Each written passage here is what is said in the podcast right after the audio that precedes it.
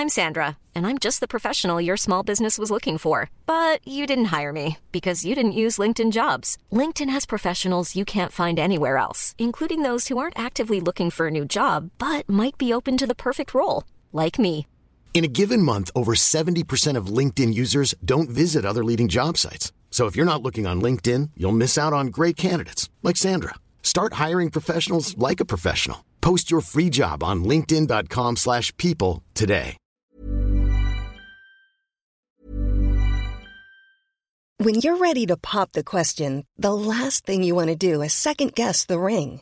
At Bluenile.com, you can design a one-of-a-kind ring with the ease and convenience of shopping online. Choose your diamond and setting. When you find the one, you'll get it delivered right to your door. Go to Bluenile.com and use promo code LISTEN to get $50 off your purchase of $500 or more. That's code LISTEN at Bluenile.com for $50 off your purchase. Bluenile.com code LISTEN. Since 2013, Bombas has donated over 100 million socks, underwear, and t shirts to those facing homelessness. If we counted those on air, this ad would last over 1,157 days. But if we counted the time it takes to make a donation possible, it would take just a few clicks. Because every time you make a purchase, Bombas donates an item to someone who needs it. Go to bombas.com slash ACAST and use code ACAST for 20% off your first purchase. That's bombas.com slash ACAST, code ACAST. Halo pendengar GGMI Podcast, baik lagi bersama kita berdua dan pada kali ini kita membahas satu buah nama yang pernah juga kita bahas tapi sudah cukup lama dan saat itu eranya di mana Paul Pogba masih berseragam Manchester United.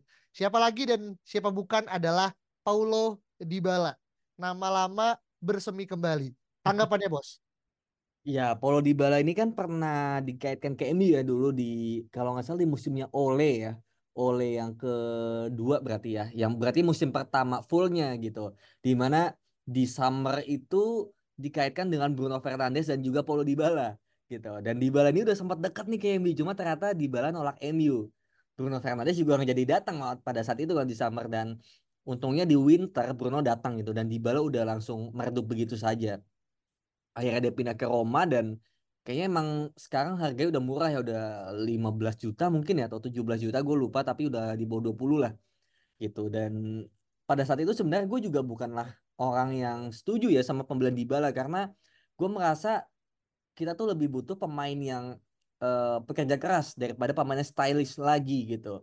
Dan gue tidak merasa Dybala ini adalah pemain yang pekerja keras seperti itu. Dia lebih ke pemain stylish yang mungkin mirip kayak Juan Mata kali yang main di kanan kemudian uh, memberikan crossing tapi bukan pemain yang pressing gitu loh. Jadi menurut gua untuk sistem pada saat ini um, yang membutuhkan fisikal aspek yang tinggi kemudian kerja keras, gue tidak merasa di bala ini cocok sih gitu. Apalagi apalagi dia tuh injury prone. Gak injury prone aja udah pada cedera semua kan ini apalagi udah ada riwayatnya kan. Jadi ngapain lu ke arah situ gitu. Oke, berarti ini lu ngerasa nih jadi kayak lebih ke rumoran dipanas-panaskan aja ya bos ya. Uh, dalam arti kayak ya mumpung dia juga mungkin sedang ada gonjang ganjing mungkin di Roma gitu kan. Tapi gue rasa Roma juga lagi oke okay ya di apa namanya di uh, Liga uh, apa Italia ya. Uh, dalam arti dia punya squad juga mewah tapi gue nggak tahu apa yang membuat dia atau rumor ini berkembang. Tapi gue tertarik untuk ngebahas dia yang akhirnya uh, injury prone gitu yang memang buat gue jadi uh, semacam kayak lucu karena kita juga akhirnya punya banyak pemain yang uh, sedang mengantri ya di ruang operasi gitu kan untuk akhirnya bisa kembali merumput gitu. Tapi kalaupun akhirnya kita bisa berpikir logis, apakah di bala ini kita tahu injury prone dan kita hanya mau mendatangkan dia itu ya for the sake of ya pinjaman lagi bos bukan untuk kita beli sebenarnya secara uh, apa namanya full cash gitu. Lu nanti gimana? Iya, kalau misalnya pinjaman gue nggak tahu ya, karena kan dia uh, ditawarkannya lebih ke pembelian ya, gitu, pembelian murah yang gue juga harus cek dulu dia kontraknya berakhir kapan gitu. Tapi yang gue lihat kalau misalnya nggak pinjaman itu pembelian ya, buat gue ngapain gitu loh. Lagi-lagi ya, karena Januari itu satu, kedua juga ini kita belum menentukan roadmap yang jelas gitu dari pemilik, kemudian CEO baru juga belum terpilih director of football juga belum terpilih. Jadi kayak menurut gue ini malah tergesa-gesa kalau beli. Jadi menurut gue untuk menyelamatkan musim ini ya kita harus smart buying, smart loaning lebih ke tepatnya ya, lebih ke pemain pinjaman yang tepat gitu. Daripada kita beli Gresek Rusuk yang mana nanti malah mengurangi budget untuk di summer yang seharusnya gitu. Malah kalau misalnya daripada lu keluar pemainnya kan kalau kata Rangnick lu dari kalau lu nggak bisa beli pemain yang benar, at least jangan beli pemain yang salah gitu. Oh, iya, iya. Nah, daripada kita duitnya habis buat pemain yang salah, mending ya lu saving aja atau mending lu beli pemain yang ya let's say misalnya back gitu. Kalau misalnya penyerang udah gak ada gitu sih. Oke, dan lu ngerasa emang Ragnik nih salah satu kuota Ragnik ini adalah untuk Dybala berarti Vin ya? Iya, iya jelas lah. Gue dari dulu aja gak setuju Dybala ke MU. Oke, tapi dia ini kan, menarik. dia kan Dybala kan lebih ke penyerang lubang. Iya. Penyerang lubang apa ya kayak misalnya formasi 352 atau Iya. empat empat dua gitu yang Ya. harus ada penyerang yang utamanya gitu loh. Kan mainnya kita nggak kayak gitu. Atau dia menjadi sayap kanan yang masuk ke dalam tapi nantinya ya dia harus dibantu overlap juga sama backnya gitu dan apa ya kita lebih butuh pemain yang bekerja keras gitu. Jadi menurut gua sama sekali nggak ada kecocokan satupun gitu loh dari Dybala dan MU. Oke, tapi kalau kita ngelihat statik statistik wise ya, dia ini itu udah pindah ke Roma dari tahun 2022 setelah tujuh musim di uh, Juventus. Dan selama di Roma dia udah bermain 37 penampilan dan mencetak 16 gol, which is sebenarnya nggak bad bad banget Evin ya, karena mungkin satu gol di antara tiga laga gitu kan. Dan dia ini kontrak sampai 2025 dan secara bisa dibilang ya harganya itu di angka 13 juta euro yang mana sebenarnya untuk pemain sekali berdibala ya sebenarnya nggak mahal gitu kan ya terlepas suka atau tidak suka ya like or dislike tapi buat gue ini adalah angka yang sangat-sangat ya affordable lah untuk sekali berdia dan mungkin dia punya apa ya atraktif marketing loh Vin yang ya ini kan MU suka ya gitu-gituan ya dan dibalas sangat menjual gitu buat gue ya marketing wise gitu kan.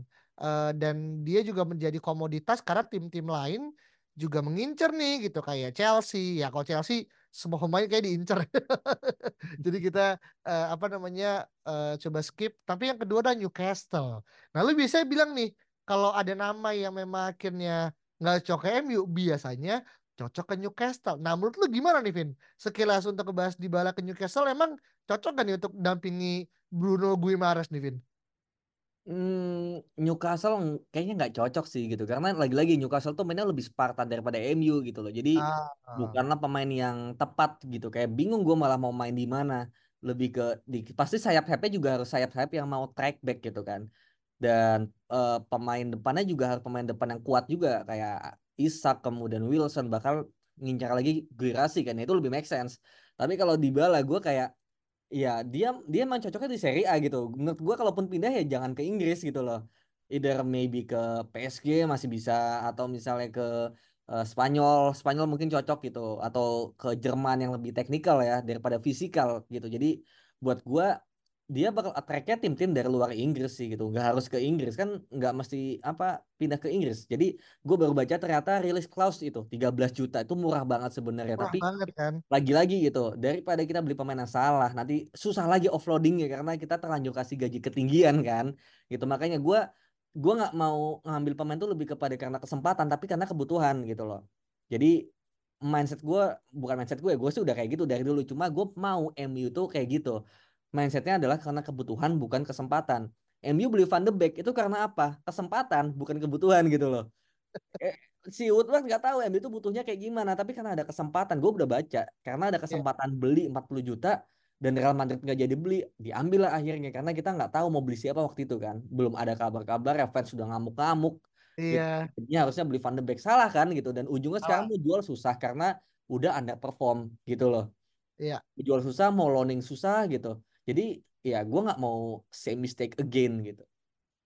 Oke, tapi lu ngelihat kalau tipikal Dybala itu kan lu bilang dia nggak cocok ya bermain di MU apalagi main Newcastle gitu kan.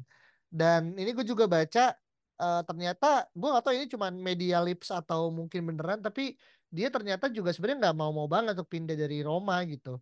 At least di musim ini ya karena katanya juga uh, apa namanya Jose Mourinho juga bilang kalau dia terlalu penting untuk uh, mengambil opsi kita melepasnya gitu. Yang mana ya gue sih malah khawatir ini cuma kayak rumoran digoreng aja gitu.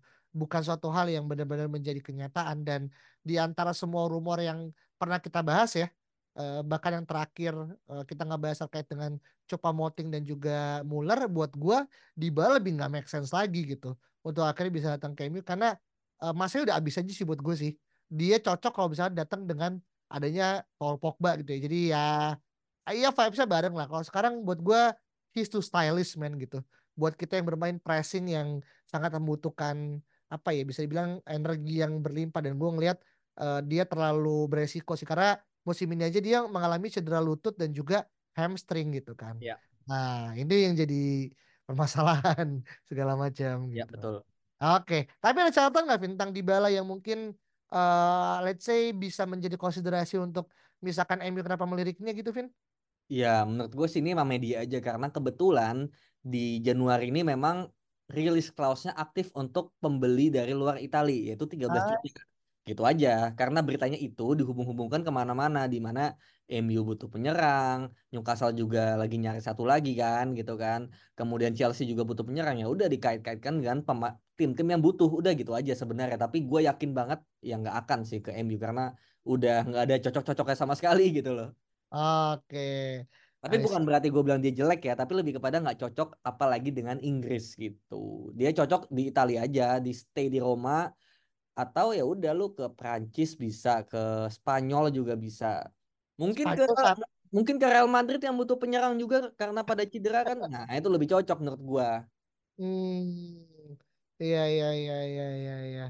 Uh, menarik sih ke Real Madrid ya dan buat gua uh, dia pas-pas aja sih untuk akhirnya main ke Liga Spanyol dan ya bisa jadi mungkin selain daripada Real Madrid mungkin nama-nama misalkan kayak yang lagi uprising tuh kayak let's say uh, apa namanya uh, Villarreal yang mungkin baru datengin Eric Bayi lagi ya. ya bisa. juga, juga jadi semacam kayak apa namanya peraduan gitu untuk usia-usia pemain yang udah kepala tiga gitu. Buat gue sih ya make sense tapi gue juga setuju uh, di bala ke MU uh, sorry untuk kali ini mungkin kita tutup pintu dulu gitu. Terlepas nanti tiba-tiba malah kan buat apa apa yang kau benci kan datang ke kamu gitu kan. Itu yang gue takut tuh Fit. Iya iya. Oke, tapi untuk masalah visibility dan juga apa namanya uh, ya availability Vin. Enggak 0 sampai 10 berapa nih kira-kira? 0 Sama ya. aja kalau kayak Muller lah, 0 dari 10 lah nggak mungkin. gue sih berharap jawab minus sih, Vin. below below zero gitu nggak apa-apa buat gue lu bisa memberikan jawaban of the box gitu karena kita terlepas uh, eh, gue suka dengan pemainnya tapi gue ngerasa dia nggak dibutuhkan untuk MU saat ini gitu kan dan itu mungkin pendapat kita berdua ya teman-teman ya kalau teman-teman punya pendapat berbeda silakan langsung aja uh, reply uh, tweet ini di at @ggmi podcast dan kita ketemu lagi di episode berikut ya. Bye bye. Even when we're on a budget, we still deserve nice things. Quince is a place to scoop up stunning high-end goods for 50 to 80% less than similar brands. They have buttery soft cashmere sweaters starting at $50, luxurious Italian leather bags, and so much more. Plus, Quince only works with factories that use safe, ethical, and responsible manufacturing. Get the high-end goods you'll love without the high price tag with Quince. Go to quince.com/style for free shipping and 365-day returns.